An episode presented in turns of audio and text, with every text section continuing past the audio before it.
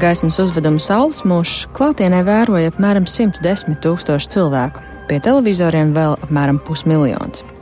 Daudziem tas kļuva par svētku kulmināciju, citi bija neizpratnē, kādēļ tik mirklīgam priekam jātērē teju 400 tūkstoši eiro. Esmu Kālis Kalniņš, uguņošanas dizaina veidotājs.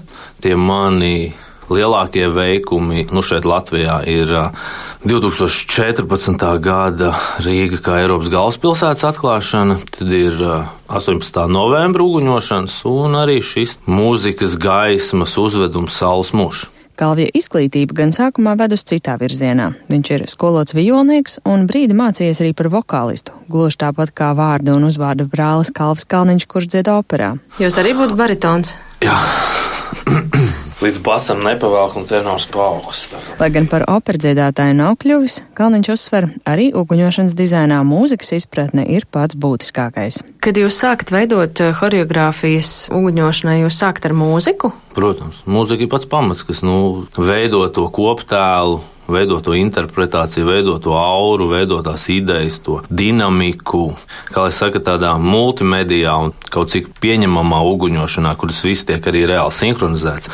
Tas pats būtiskākais.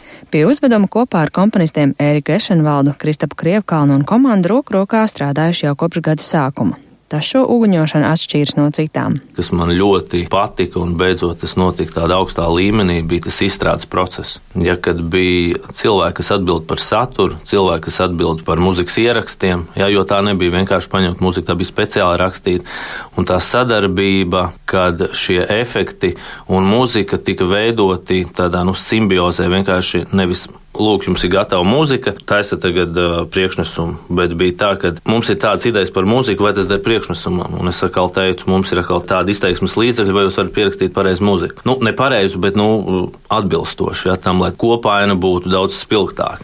Kad jautāja par uguņošanas lielajām izmaksām šajā gadā, Kalvs Kalniņš uzreiz labo. Tā nebija vienkārši uguņošana. Šoreiz tas bija gaismas uzvedums. Tās lielākās izmaksas šajā gadījumā veidoja apjoms, jā, vienkārši vairāk, vairāk tās, tās pirotehnikas viņam izvietojums uh, uz ūdens. Jā, tas nav tā kā uz zemes nolikts.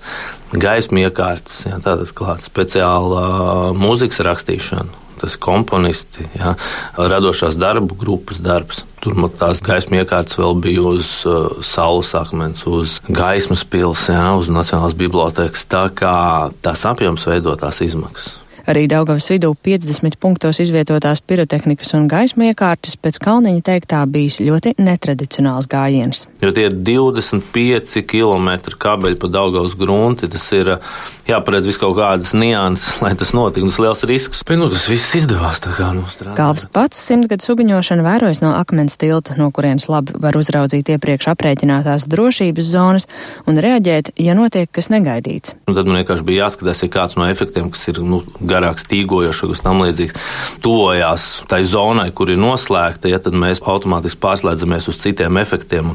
To no tās vietas, kur notiek šī vadība, nu, nav iespējams noteikt. Tas jāredz no attālu. Bija kaut kas tāds? Nē. Galvas Kalniņš atzīst, ka no citām Latvijas simtgades iniciatīvām darba dēļ maz ko sanācis izbaudīt. No redzētā viņš izceļ festivālu Latvijas goda aplis, kas gada garumā apceļoja visu Latviju. Jautāju, kas Kalvim raisa lielāko lepnumu domājot par Latviju? Nu, man jau šķiet, ka tā principā ir tas ceļš uz labklājību. Jo mēs varam būt neapmierināti, bet kopumā es tā ceru un es tā pieļauju, ka eh, tas labklājības līmenis ceļās. Un arī pašu cilvēku jaunās paudzes domāšana mainās. Es tā gribētu cerēt. Un par to es droši vien jūtos lepns par cerību. Un kas gaistošo uguņošanas prieku meistaram šķiet pats paliekošākais no Latvijas simtgades svinībām?